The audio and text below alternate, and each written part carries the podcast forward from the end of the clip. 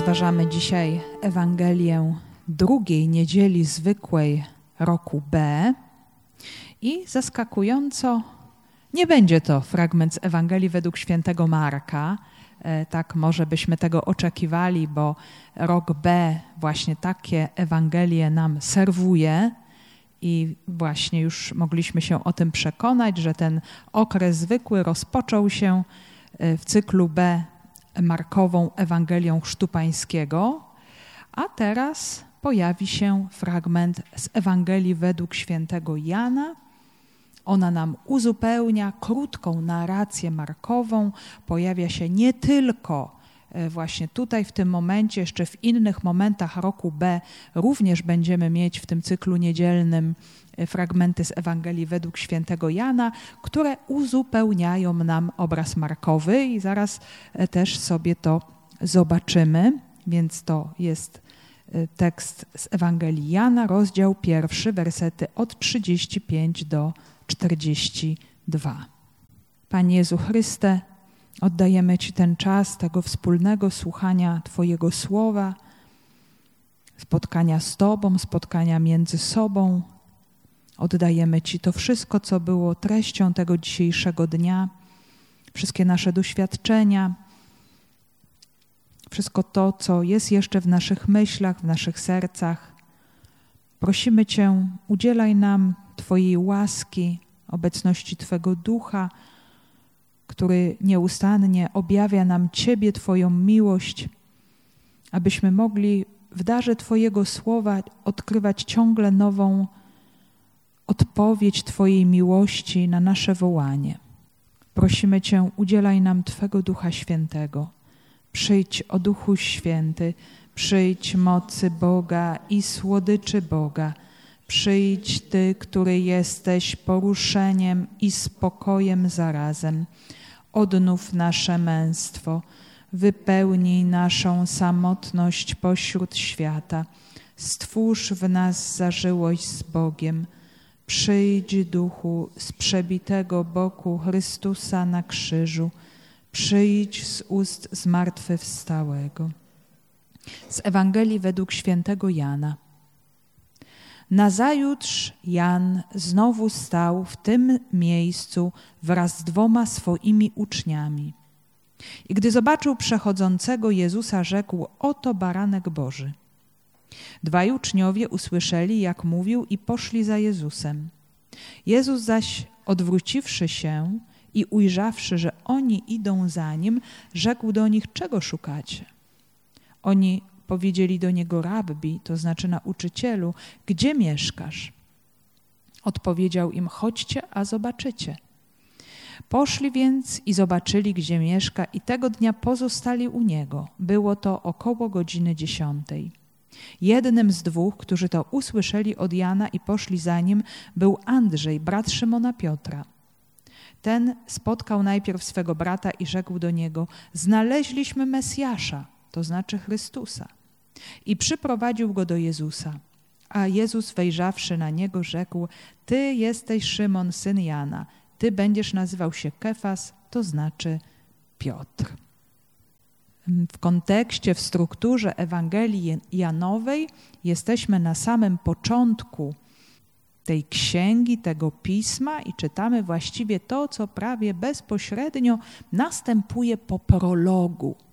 Prolog jest wprowadzeniem do całości dzieła, streszcza nam całą Ewangelię Janową, jest takim pięknym hymnem ukazującym całe dzieło zbawienia, czy najpierw jeszcze dzieło stworzenia, preegzystencję Syna Bożego, w końcu to słowo, e, które odwiecznie jest u Ojca, staje się ciałem Y, rozbija namiot wśród nas, zaprasza nas do wspólnoty z sobą, zaprasza każdego człowieka do odpowiedzi wiary i ta odpowiedź wiary sprawia, że stajemy się dziećmi bożymi. Y, I mm, już ta część historyczna, to co też nazywamy prologiem narracyjnym, następuje właśnie tuż po prologu teologicznym, i wszystko rozpoczyna się podobnie zresztą jak w Ewangelii Markowej, e, już wprowadzeniem do publicznej działalności Jezusa, czyli wystąpieniem Jana Chrzciciela. To jest ten pierwszy, najbardziej wyjątkowy, wybitny świadek Jezusa, od którego rozpoczyna się cały łańcuch świadectwa. On jako pierwszy daje świadectwo o Jezusie. Y, I możemy sobie też tutaj zauważyć taki ciekawy schemat, takie zestawienie właśnie prologu Janowego i mm, tego teologicznego, tego rozpoczynającego czwartą Ewangelię i tego, co następuje dalej że mamy też podobne elementy. Właśnie mamy element świadectwa związany z Janem Chrzcicielem, bo Jan Chrzciciel nam się już pojawia w prologu jako świadek, który zaświadczył o światłości, nie był światłością. Pojawia nam się rzeczywistość wspólnoty, y, tam w prologu pojawia się jakieś tajemnicze my, my przyjmujemy. Y, my stajemy się dziećmi Bożymi, no właśnie to jest jakaś już wspólnota, która się tworzy, która otwiera się na wiarę w Jezusa Chrystusa y, i wszystko też wskazuje na chwałę, czyli objawienie się tajemnicy Boga, co w prologu wiąże się właśnie z tajemnicą wcielenia. Bóg objawia się w ludzkim ciele, a e, już w tej dalszej części prologu narracyjnego ta chwała objawia się podczas pierwszego znaku w Kanie, kiedy ci, którzy z nim są, uczniowie ujrzeli jego chwałę i w niego uwierzyli. Więc tutaj jesteśmy właśnie na tym etapie rozpoczęcia kształtowania się wspólnoty Jezusa. E, to jest bardzo ważny element e, i, i zresztą też to jest bardzo też ciekawe, bo wszystko zaczyna się od Jana Chrzciciela, czyli mamy takie bardzo miękkie, gładkie przejście od rzeczywistości chrztu. Zobaczcie, synoptycy kształtowanie się wspólnoty Jezusa sytuują gdzie? W Galilei nad Jeziorem Galilejskim. E, to za tydzień pojawi się właśnie to opowiadanie o powołaniu uczniów nad Jeziorem Galilejskim. Y, i dalej ta publiczna działalność Jezusa na samym początku tam się będzie koncentrować. Natomiast tutaj jeszcze mamy takie bardzo gładkie przejście od momentu chrztu, od tego miejsca na pustyni nad Jordanem, gdzie Jan Chrzciciel jako świadek y, daje świadectwo, y, gdzie Jezus zostaje ochrzczony i gdzie pojawiają się jego pierwsi uczniowie. Więc też możemy to pamiętać z lektury Ewangelii Janowej, że to, co następuje po prologu, jest ułożone w taki bardzo ciekawy schemat dni, kolejnych dni, czyli pewnych scen, które rozpoczynają się od słowa nazajutrz bądź następnego dnia.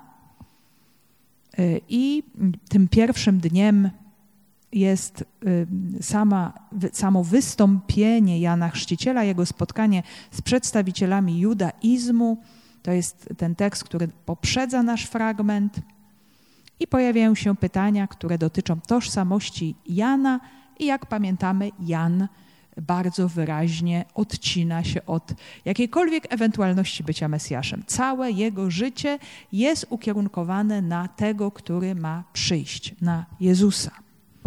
Czyli y, to odniesienie do Jezusa w życiu Jana bardzo mocno uwypukla również i jeszcze bardziej umacnia jego własną tożsamość. I to jest właśnie niesamowicie piękne, że e, im bardziej e, odnosimy się do Jezusa, im bardziej szukamy Jego, chcemy żyć w bliskości Jego osoby, tym bardziej odkrywamy samych siebie. Im więcej Boga, tym ja bardziej staję się sobą. Tak to możemy e, po prostu streścić. I, i to też jest tak w przypadku Jana Chrzciciela. Te, te dwie rzeczywistości są ze sobą połączone. I następnego dnia Jezus przychodzi do Jana nad Jordan. To jest też bardzo ciekawe, że w samej narracji Janowej nie ma dokładnego opisu chrztu Jezusa. Nie ma. E, właśnie ta scena tego drugiego dnia, ta obecność Jezusa nad Jordanem, ona nam sugeruje, że ten chrzest się w tym momencie dokonuje, ale tutaj bardziej uwypukla się e, świadectwo chrzciciela, o czym sobie jeszcze później powiemy, e, to objawienie, które on otrzymuje od Ojca, to jego doświadczenie obecności ducha nad Jezusem. No kiedy duch był obecny nad Jezusem? No w momencie chrztu. I to jest ten moment, kiedy w sposób wyraźny Jan daje świadectwo o Jezusie. Tak bardzo wyraźnie po raz pierwszy rozpoznaje w nim baranka Bożego, który gładzi grzech świata. I ten trzeci dzień to jest właśnie nasz przed chwilą odczytany fragment. To świadectwo Jana zostaje poszerzone na grupę uczniów. Na początku jest to dwóch, ale potem y, będzie ich aż pięciu, więc ta grupa się będzie poszerzać. Tu jeszcze możemy sobie właśnie y, popatrzeć na ten schemat y, tego prologu narracyjnego, czyli pierwszy dzień te pytania o tożsamość Jana, drugi dzień spotkanie z Jezusem, który zostaje nazwany Barankiem Bożym, świadectwo o nim, jako o tym, który chrzci Duchem Świętym. Trzeci dzień to jest to danie świadectwa uczniom, którzy idą za Jezusem. Potem dalej ci uczniowie pociągają kolejnych przez akt swojego świadectwa i gromadzi się grupa pięciu pierwszych uczniów i kolejne dni y, już odnoszą się do wesela w Kanie Galilejskiej i mamy tydzień nowego stworzenia.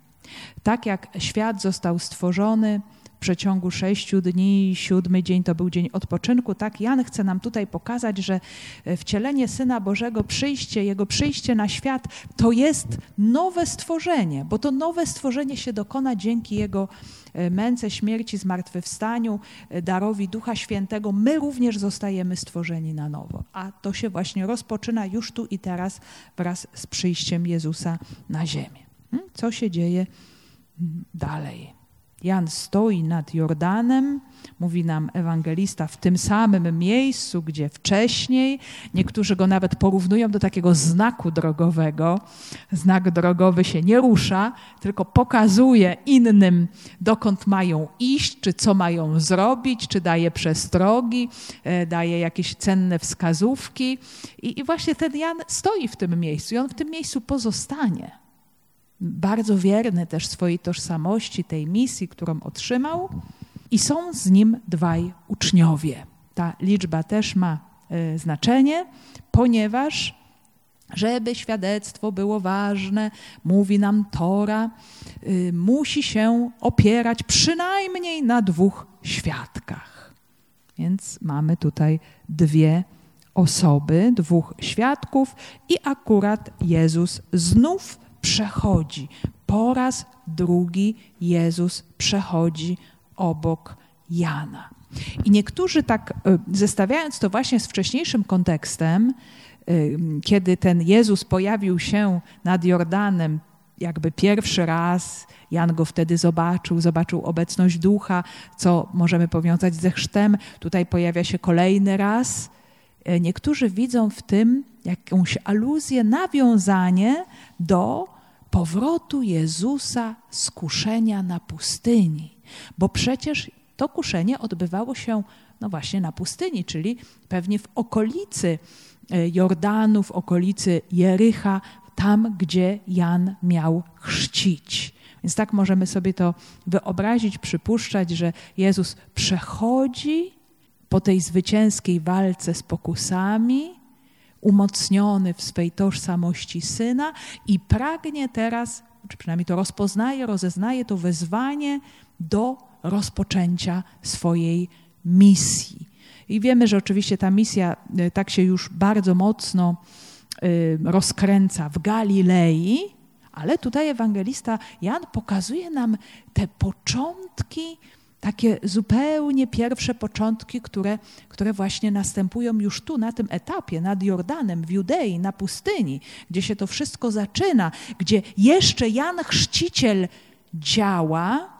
Właśnie w Ewangelii Janowej nam się te dwie rzeczywistości zazębiają, bo zobaczcie, kiedy y, Jan zostanie uwięziony, to, to co się stanie? Synoptycy nam mówią, Jezus przyjdzie wtedy do Galilei, nad Jezioro Galilejskie i tam zacznie y, misję.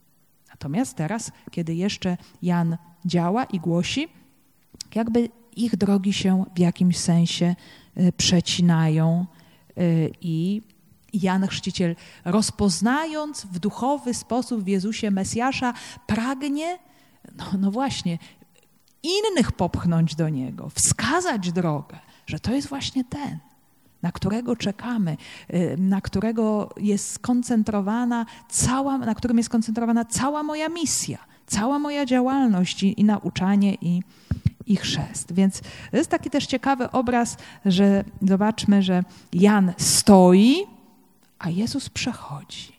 Właśnie jakiś taki już y, zatrzymanie Jana i dynamizm Jezusa, jakiś kontakt pomiędzy nimi, też kontakt pomiędzy tymi dwoma wspólnotami, które zaczynają się tworzyć, co też może się odnosić do późniejszych y, już wydarzeń, kiedy już była młoda wspólnota Kościoła, a jeszcze wciąż było mnóstwo uczniów Joannitów, uczniów Jana Chrzciciela, e, kręgi czy koła Jana Chrzciciela jeszcze były działające. Ewangelia Janowa, my wiemy, że ona tak jest skonstruowana na wielu poziomach znaczeniowych, odnosi się i do wydarzeń z historii życia Jezusa, ale też pokazuje już to, czym żyje Kościół końca I wieku. I jeszcze na dodatek pokazuje jakieś symboliczne odniesienia duchowe, więc tutaj tych płaszczyzn mamy dużo. Właśnie to spotkanie wspólnoty Janowej z chrześcijaństwem, no i właśnie ten Jan, który wyraźnie wskazuje na Jezusa. I znów po raz drugi pojawia się to stwierdzenie oto baranek Boży tak jak wcześniej Jan określił Jezusa, tylko wcześniej dodał jeszcze to stwierdzenie, który gładzi grzech świata. Czyli mm, wcześniej wskazanie na misję Jezusa, y, co on właściwie przyszedł zrobić. Tutaj natomiast tylko to stwierdzenie, oto baranek Boży. Jan już nie wyjaśnia ponownie celu misji Jezusa, tylko wskazuje na niego. Teraz taki jest cel pokazać Jezusa, że to jest właśnie ten. E, jeżeli ci uczniowie, którzy e, towarzyszyli Janowi, nie byliby w pobliżu wcześniejszego świadectwa, nie rozpoznaliby wyraźnie Jezusa, przecież tam było bardzo wielu ludzi, to teraz jeszcze raz Jan Chrzciciel to czyni wskazuje w bardzo wyraźny sposób na Jezusa. Oczywiście my te odniesienia do baranka bardzo dobrze znamy, ale to jest też bardzo ważny obraz w ogóle w teologii Janowej, bardzo mocno zakorzeniony w Starym Testamencie, bo kiedy mówimy o baranku, y, to, y, to widzimy ofiarę Abrahama, w miejsce Izaaka jest złożony baranek, i najwcześniejsza tradycja chrześcijańska właśnie w tym baranku abrahamowym. Widziała już zapowiedź Jezusa Chrystusa jako tego nowego Izaaka. Widzimy oczywiście baranka paschalnego, którego krew ratowała przed dziesiątą plagą. I właśnie w Ewangelii Janowej śmierć Jezusa dokładnie jest opisana w tym kluczu baranka paschalnego, którego kości nie były łamane, którego krew właśnie uwalnia, oczyszcza, obmywa. Jezus bierze na siebie zło. Kolejne odniesienie do sługi pańskiego to też wiąże się z taką bardzo ciekawą e, grą słów, bo sługa i baranek w języku aramejskim e, może to być to samo słowo, talia czy tale, czy czy też w rodzaju żeńskim pamiętamy to słowo talita, dziewczynka, to też może znaczyć owieczka. Takie pieszczotliwe, pieszczotliwy zwrot właśnie do małego dziecka, więc sługa, baranek, chłopiec w języku aramejskim może znaczyć to samo, stąd też uczeni łączą to wyrażenie baranka ze sługą pańskim z księgi Izajasza. Pamiętamy ten 53 rozdział, ten, który się obarcza naszym cierpieniem, który dźwiga nasze boleści, ten, który się zachowuje w sposób łagodny, jak baranek na rzeź prowadzony, jak owca nie ma wobec strzygących ją. Więc już tu na samym początku my możemy zobaczyć właśnie całą tajemnicę paschalną Jezusa, która nam się otworzy o wiele później w narracji Janowej, do której będziemy dochodzić stopniowo, to już jest ten początek, to już jest ta zapowiedź. A jednocześnie mamy też taki bardzo piękny obraz, bo my wiemy o tym, że Jan według swego narodzenia i pochodzenia był synem kapłana, Zachariasza. I kapłani byli kapłanami z ojca na syna. Więc właściwie chrzciciel powinien był służyć w świątyni. I tu jest taki też taki bardzo symboliczny, ciekawy gest Jana, bo e, właśnie do kapłanów należało również wskazywanie konkretnego baranka dla danej rodziny. Przychodziły różne rodziny, mniejsze, większe, do takiego właśnie kapłana. Wiadomo, że ci, którzy przychodzili z daleka, zakupywali sobie baranka na paschę już w Jerozolimie, nie ciągnęli tego baranka gdzieś z daleka. E, no i właśnie kapłan patrzył na tę rodzinę. Oczywiście te baranki były jednoroczne, ale jedne były większe, drugie były mniejsze. No i był wskazywany właściwy baranek dla danej rodziny. I zobaczmy, jakie to jest niesamowite, że tutaj jakby ten Jan Chrzciciel właśnie wypełnia to zadanie, tę misję kapłana, którym był jednak z urodzenia.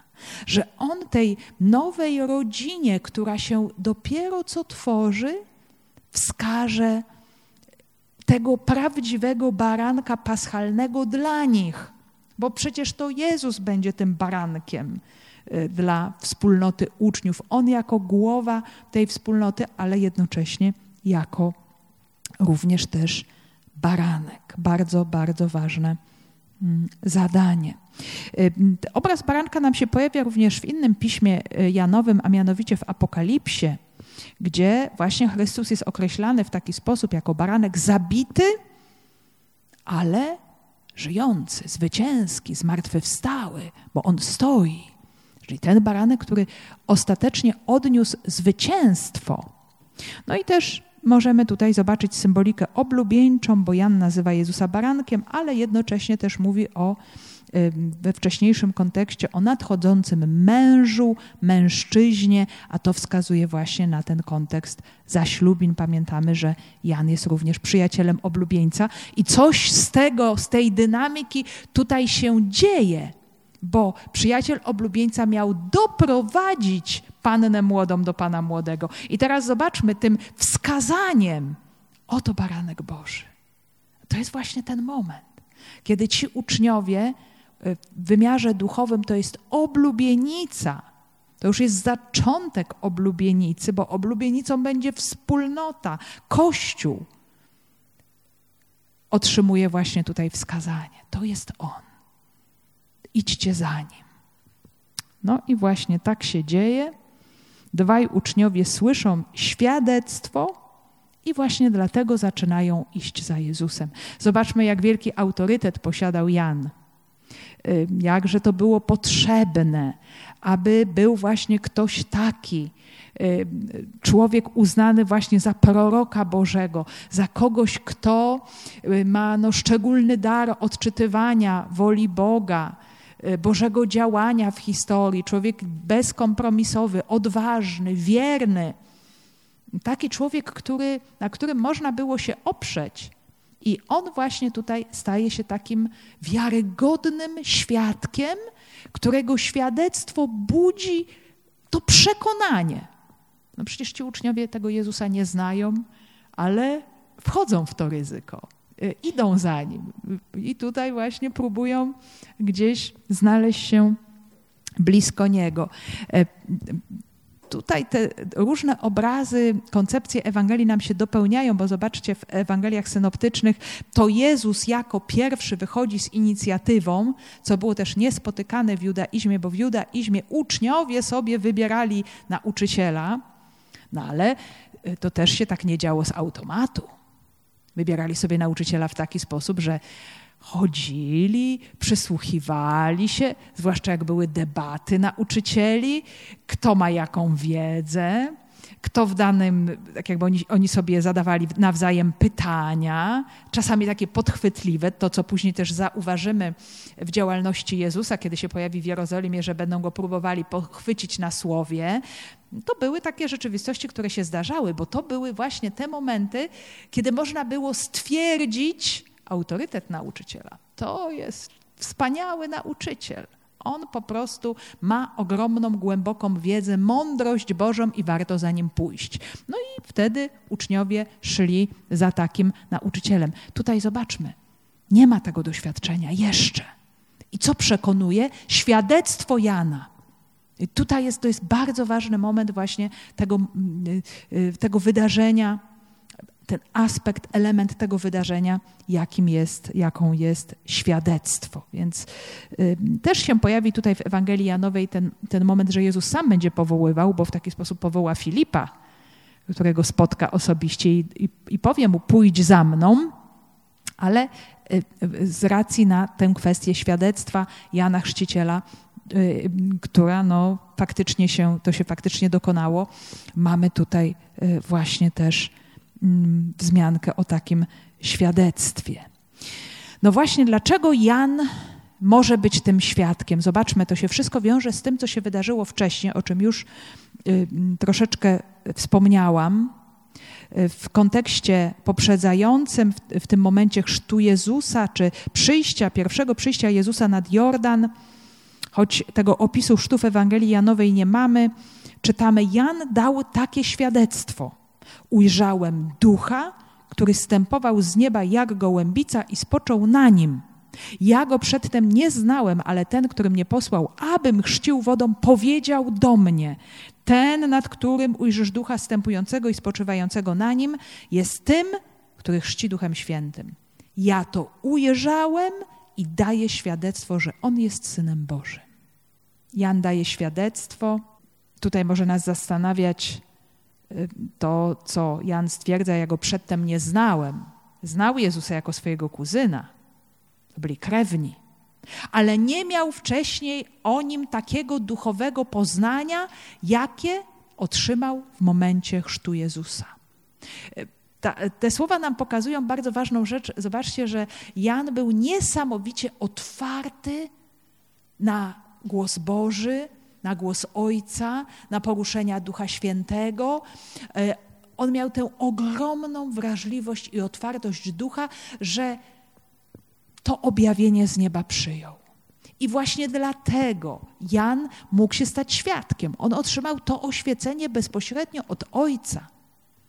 E, to jest też takie niesamowicie ważne i piękne w Ewangelii Janowej, że zobaczmy to, co u synoptyków dokonuje się bezpośrednio od Ojca, bo co się dzieje w momencie chrztu? Niebo się otwiera, duch wstępuje i pojawia się głos Ojca. Tyś jest mój syn umiłowany, w Tobie mam upodobanie czy w Tobie sobie upodobałem. Natomiast tutaj ten głos Ojca zostaje przekazany Janowi. To objawienie dane od Ojca tak Jana wypełnia, że Jan wypowiada te słowa w miejsce samego Boga Ojca. Niesamowita rola świadka. Niesamowicie istotne świadectwo pokazujące, że Bóg może się tak jak chce posługiwać człowiekiem, żeby objawiać siebie.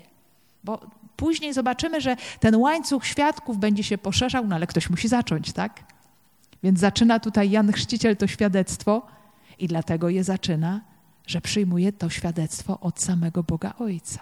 Wyraża Jego głos. I to świadectwo zostaje właśnie przekazane uczniom. Uczniowie ruszają, bo ich mistrz, Jan Chrzciciel, wskazał im Jezusa. On wyznał wiarę, że On jest Synem Bożym. Ale Zobaczcie, nie wystarczy świadectwo świadka. Świadectwo świadka jest tylko pomocą do tego, aby pójść i samemu się przekonać, żeby wejść w osobiste doświadczenie Jezusa. Bo wiara Oczywiście rodzi się ze słuchania, rodzi się ze świadectwa, ale później wymaga bardzo osobistej odpowiedzi. Że ja się nie zatrzymuję na tym, co mówią inni, co naucza ktoś inny, jakie doświadczenie swojej wiary ma ktoś inny. Bo, bo to mnie może gdzieś wypełnić na chwilę, zainspirować na chwilę. Ale świadectwo, ono popycha mnie do tego, abym ja wszedł w to osobiste doświadczenie i spotkanie z Jezusem. Żeby ono mogło dopiero właśnie zaowocować tym wyznaniem wiary. No i uczniowie idą za Jezusem. Tutaj użyty ten termin grecki e, akoluteo, no jest takim ty typowym terminem e, właśnie e, uczniostwa. Chodzenie za kimś oznacza bycie uczniem. Więc oni rozpoczynają tę wędrówkę i Jezus reaguje. Odwraca się, dostrzega uczniów i zadaje im pytanie: czego szukacie? To jest bardzo ważne pytanie mm, i w Ewangelii Janowej, i w ogóle, bo to jest pytanie, które dotyczy motywacji, głębokich motywacji. Dlaczego? W jakim celu? zbliżają się do Jezusa, dlaczego idą za Nim, co chcą osiągnąć. To jest właśnie też pytanie bardzo ważne, istotne na drodze wiary. Dlaczego wierzę? Czy dlaczego jestem w kościele? Dlaczego jestem chrześcijaninem? W jakim celu słucham Bożego Słowa? W jakim celu idę za Jezusem? Bo odpowiedzi mogą być bardzo różne. I sama Ewangelia Janowa nam na to wskazuje, że można szukać Jezusa dla ludzkich celów. Przypomnijmy sobie chociażby ten moment, kiedy Jezus rozmnaża chleb i wszyscy są zachwyceni. Jezus sam to zauważa. Y, że kiedy y, ludzie szukają Jezusa, którzy doświadczyli tego znaku, mówi: Szukacie mnie dlatego, że jedliście chleb do sytości. O to właśnie chodzi. Mieć jakąś korzyść, ludzką korzyść. Są również i w Ewangelii Janowej tacy, którzy szukają Jezusa, aby go zabić, aby go pojmać, aby go zatrzymać. Więc zobaczmy, to może być egoistyczna albo nawet bardzo, bardzo negatywna motywacja. A rzeczywiście można go szukać właśnie w tym celu, aby pełnić wolę Boga, aby szukać chwały Boga aby rzeczywiście wejść w to głębokie doświadczenie wiary. Pod koniec narracji Janowej pojawia się bardzo podobne pytanie i usłyszy je Maria Magdalena w ogrodzie, kiedy ten, którego uznała za ogrodnika, a był to zmartwychwstały Chrystus, zada jej pytanie: Kogo szukasz? Kogo szukasz? Dopiero właśnie ten rzeczywisty, realny kontakt z Jezusem, twarzą w twarz, e, tak jak Marii Magdaleny, czy tutaj uczniów, którzy wchodzą w tą pierwszą interakcję, rozmowę, komunikację, dialog, oczyszcza, prostuje intencje. Jakby pozwala człowiekowi zrozumieć, o co mu tak naprawdę w życiu chodzi, czego szukasz w życiu. Bardzo, bardzo ważne pytanie. I uczniowie na to pytanie odpowiadają pytaniem. Tak, bardzo po żydowsku. Gdzie mieszkasz? Choć moglibyśmy jeszcze to przetłumaczyć, gdzie trwasz, gdzie przebywasz. Tu się pojawia bardzo ważne, teologicznie ważne słowo w Ewangelii Janowej, hmm, bo to jest właśnie to zapytanie o y, tajemnicę Jezusa, Jego tożsamość, gdzie On przebywa, gdzie On jest i nazywają Jezusa rabbim, nauczycielem. To znaczy, że właśnie przede wszystkim dzięki świadectwu chrzciciela widzą, uznają jego autorytet, ale potrzebują wejść w jeszcze głębsze doświadczenie, aby móc go poznać w całej pełni. I ten tytuł rabbi, z czego pochodzi późniejsze słowo rabin, to już nas odsyła do kontekstu judaizmu rabinicznego, nauczycieli żydowskich, gdzie właściwie taki rabbi miał być wcieleniem Tory. Czyli to jest też bardzo ważne, nauka nie odbywała się przez słowa, tak jak w szkole, ale nauka dokonywała się poprzez kontakt z nauczycielem. Czyli nie chodziło tylko o to, żeby e, uczeń dużo rzeczy się nauczył intelektualnie, ale żeby dużo rzeczy doświadczył, bo jeżeli nauczyciel był wcieleniem tory, to wtedy taki uczeń patrzył, jak ten nauczyciel nie tylko mówi, co mówi, ale jak żyje, jak się modli, jak się zachowuje, jak je, jak śpi, e, jakie ma zasady życiowe. wszystkie najdrobniejsze szczegóły. To była prawdziwa szkoła, właśnie przebywanie, dokładne przebywanie z nauczycielem. I Jezus właśnie ich zaprasza. Chodźcie, a zobaczycie, wejdźcie w to doświadczenie. To jest niesamowicie ważne, bo Jezus e, daje każdemu, kto pragnie być jego uczniem, właśnie to doświadczenie spotkania z nim, doświadczenie poznania go. No ale tu jest właśnie potrzebna ta świadoma e, relacja, wejście właśnie w to przebywanie z Jezusem, bycie z nim, bliskość z nim. No i co ciekawe, zobaczmy, ewangelista nie mówi nam, nie podaje nam, może byśmy oczekiwali, gdzie Jezus mieszka, w jakim miejscu, jak wygląda jego mieszkanie. Jest to celowy zabieg, bo to ma wzbudzić taką tęsknotę w czytelniku, żeby stopniowo odkryć tę tajemnicę Jezusa, gdzie mieszkasz. To jeszcze e, dużo tekstów czwartej Ewangelii trzeba przeczytać, żeby odkryć, że Jezus przebywa w Ojcu, a Ojciec w Nim. Że są jedno, że tym prawdziwym mieszkaniem Jezusa jest Ojciec, czyli niebo, czyli prawdziwe życie. I właśnie do takiego mieszkania, przebywania będą również zaproszeni ojcowie, y, y, kiedy Jezus powie, że przyjdziemy uczynimy mieszkanie w człowieku y, z Ojcem i z Duchem Świętym, to będzie właśnie ta wspólnota, to wspólne przebywanie. I to jest, to jest właśnie ten cel życia chrześcijańskiego. Nie tylko y, jakaś wiedza intelektualna, nie tylko jakieś poznanie, czy nawet życie według pewnych wymogów moralnych, na jakimś poziomie, ale przede wszystkim to doświadczenie bliskości Boga, które dzisiaj się dokonuje y, no, dzięki obecności Ducha Świętego. My to przeżywamy w Kościele, w Słowie Bożym, w sakramentach, na modlitwie, otwierając się na działanie Boga w nas. Nie on, on w nas żyje, on w nas przebywa. Chodzi o właśnie taką coraz większą świadomość, coraz większe otwieranie się naprawdę obecności Boga w nas. Ale, ale jest to proces. I i uczniowie Ewangelii Jana będą do tego procesu stopniowo dochodzić. Będą mogli doświadczać tej komunii. Właśnie sama Ewangelia Janowa mówi, że, że to się dokonuje poprzez chleb życia. Kto spożywa moje ciało i krew moją pije, trwa, przebywa we mnie, a ja w nim. Czyli Eucharystia jest tą możliwością trwania w Jezusie, ale również właśnie przez Ducha Świętego. Jezus zapowiada parakleta, ducha prawdy, mówi, że świat go przyjąć nie może, ponieważ go nie widzi ani nie zna, ale wy go znacie, ponieważ u was przebywa, trwa, zamieszkuje i w was będzie.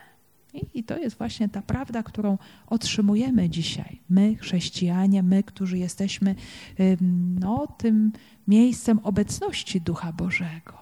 Jesteśmy zaproszeni do tego, aby w sposób coraz bardziej świadomy i aktywny przeżywać w naszym życiu obecność Boga, który w nas żyje. I to jest o wiele bardziej realne, aniżeli te różne ziemskie rzeczy, które przeżywamy, które zobaczmy, one są przejściowe. Właściwie wszystko to, co jest doczesne na tym świecie, i to, co piękne i dobre, i to, co trudne i bolesne, jest przejściowe. Mija.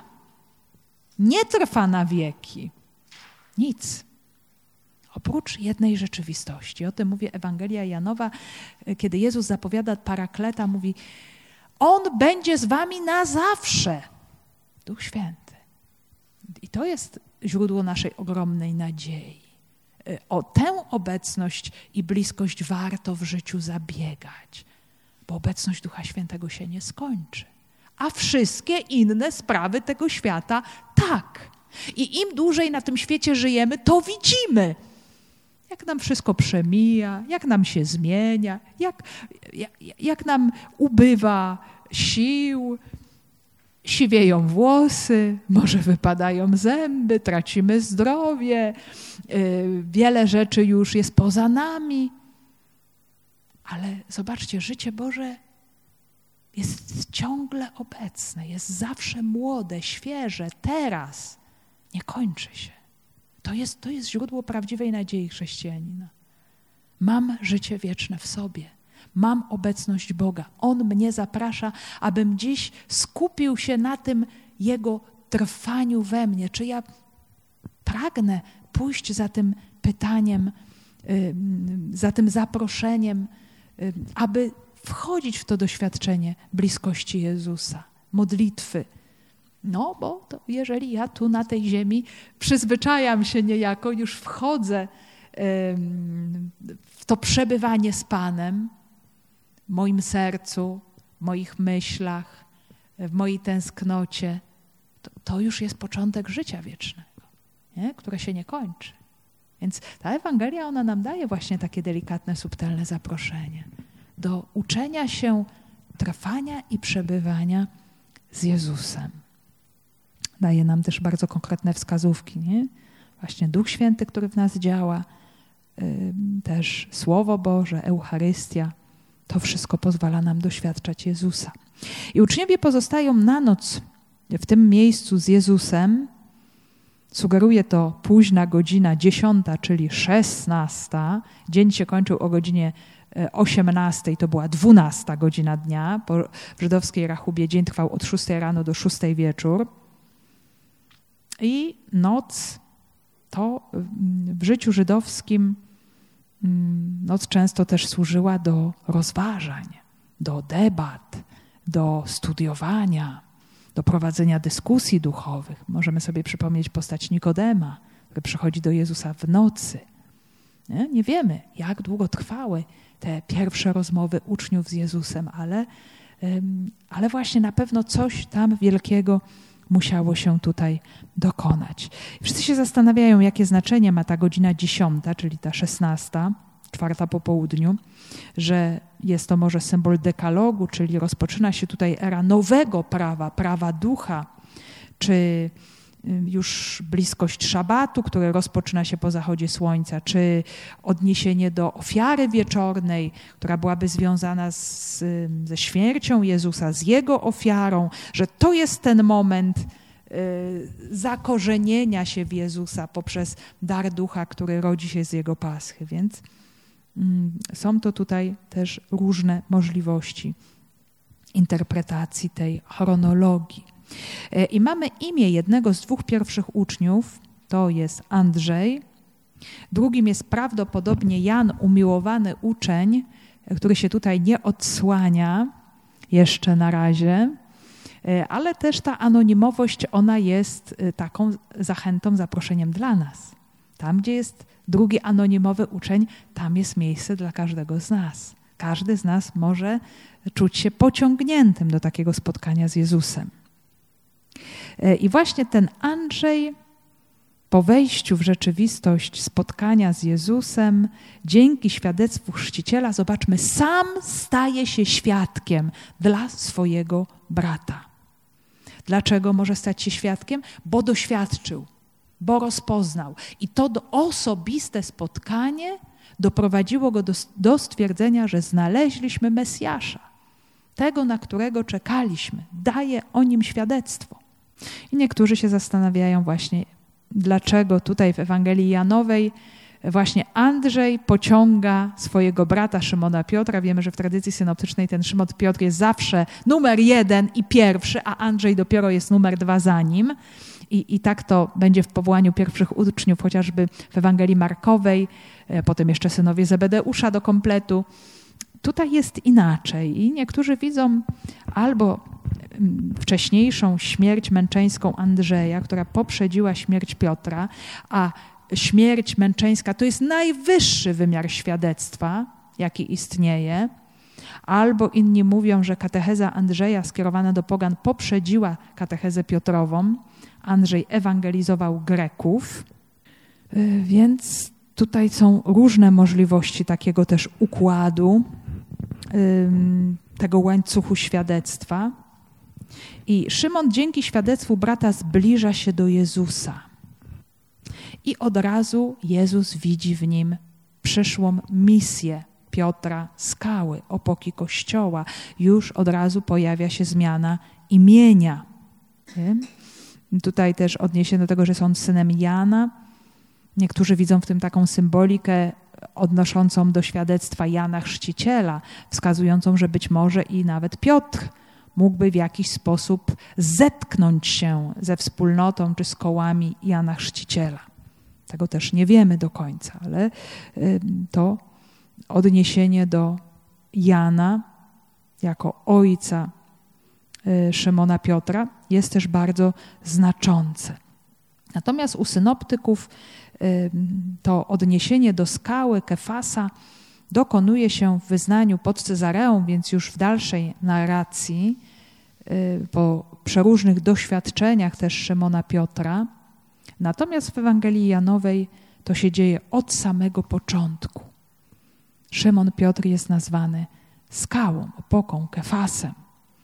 Zobaczmy, y, Bóg wzywa nas, każdego z nas po imieniu i każdemu z nas w momencie tego osobistego spotkania Bóg nadaje to szczególne, wyjątkowe imię, w jaki sposób On nas widzi i poznaje.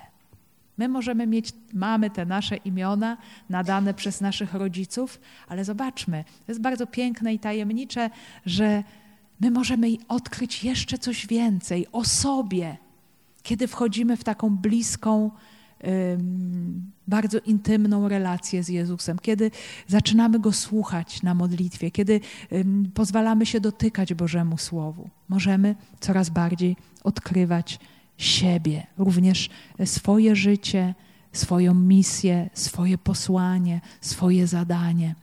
To jest też bardzo ciekawe, bo zobaczcie, ten Piotr tutaj w momencie tego powołania, on jest taki bardzo pasywny, zupełnie jak nie Piotr. My Piotra bardzo dobrze znamy jako człowieka bardzo gwałtownego, raptownego, który mówi szybciej niż myśli, reaguje bardzo gwałtownie. Tutaj tak nie jest. Piotr się w ogóle nie odzywa, nic nie mówi, przyjmuje to w milczeniu. To jest też taki bardzo ciekawy, moi drodzy, zabieg ewangelisty, bo takie bardzo prawdziwe, już dogłębne powołanie Piotr przeżyje dopiero po zmartwychwstaniu Jezusa kiedy w tym procesie dojrzewania wiary doświadczy swojej własnej słabości, zdrady, pozna samego siebie, doświadczy miłości przebaczającej i tego posłania, tego zaufania, które Jezus mu da, powierzając mu swój Kościół. I wtedy na sam koniec Ewangelii Jana Jezus po zmartwychwstaniu powie Piotrowi: Pójdź za mną. Nie? Wtedy rozpocznie się tak zupełnie na serio y, ta głęboka, bardzo realistyczna droga wiary Piotra, apostoła Piotra. A tutaj to jest dopiero początek. I zobaczmy, że Jezus respektuje e, tę stopniowość wchodzenia w zażyłość z Nim, że jest właśnie ten etap świadectwa kogoś, że jest ten moment zbliżania się, wchodzenia w to doświadczenie i, i coraz głębszego poznawania Jezusa i również poznawania siebie aby potem z czasem powoli to świadectwo doszło do pełni. Ale to, co jest istotne, zobaczcie, to jest właśnie dojście, doprowadzenie do osobistego spotkania z Jezusem. I do tego nas zaprasza ta Ewangelia. I w jaki sposób my możemy to słowo odnieść do nas? Popatrzeć na rzeczywistość świadectwa Tutaj bardzo mocno wyłania nam się na pierwszy plan Jan Chrzciciel, ten wiarygodny świadek, który dzieli się swoim doświadczeniem Boga e, i to staje się jakimś zalążkiem wiary też w innych, też w nas. Czy odkrywam w moim życiu obecność świadków, którzy wskazali mi Jezusa, może wskazują dalej? Ten łańcuch e, świadectw jest nieustannie obecny w Kościele. Ale to jest tylko taki pierwszy etap, bo uczniowie potem wchodzą w doświadczenie Jezusa, szukają Go, pragną przebywać z Nim. To też angażuje całe swoje życie. Jakie są moje motywacje szukania Jezusa? Słuchania Jego słowa. I czy daje się pociągnąć, czy przyjmuje to Jego zaproszenie, chodź i zobacz. I kolejna sprawa. Po spotkaniu z Jezusem każdy jest zaproszony, żeby stał się świadkiem dla innych. W jaki sposób to moje życie może stawać się świadectwem dla innych? Sposoby są bardzo różne. Jak odkrywam to świadectwo? W czym jeszcze potrzebuję umocnienia? Więc to są takie punkty do naszej refleksji, do naszego słuchania. Ale ważne, żebyśmy też odkryli w tym słowie, w tym obrazie świadka, świadectwa, pójścia za Jezusem właśnie to, co dziś w moim życiu no, jest obecne, to, co się w moim życiu wiary dzisiaj dokonuje. I każdy z nas może właśnie stanąć z tym pytaniem, jak to słowo dzisiaj działa w moim życiu, do czego mnie zaprasza i w jaki sposób też mnie dotyka.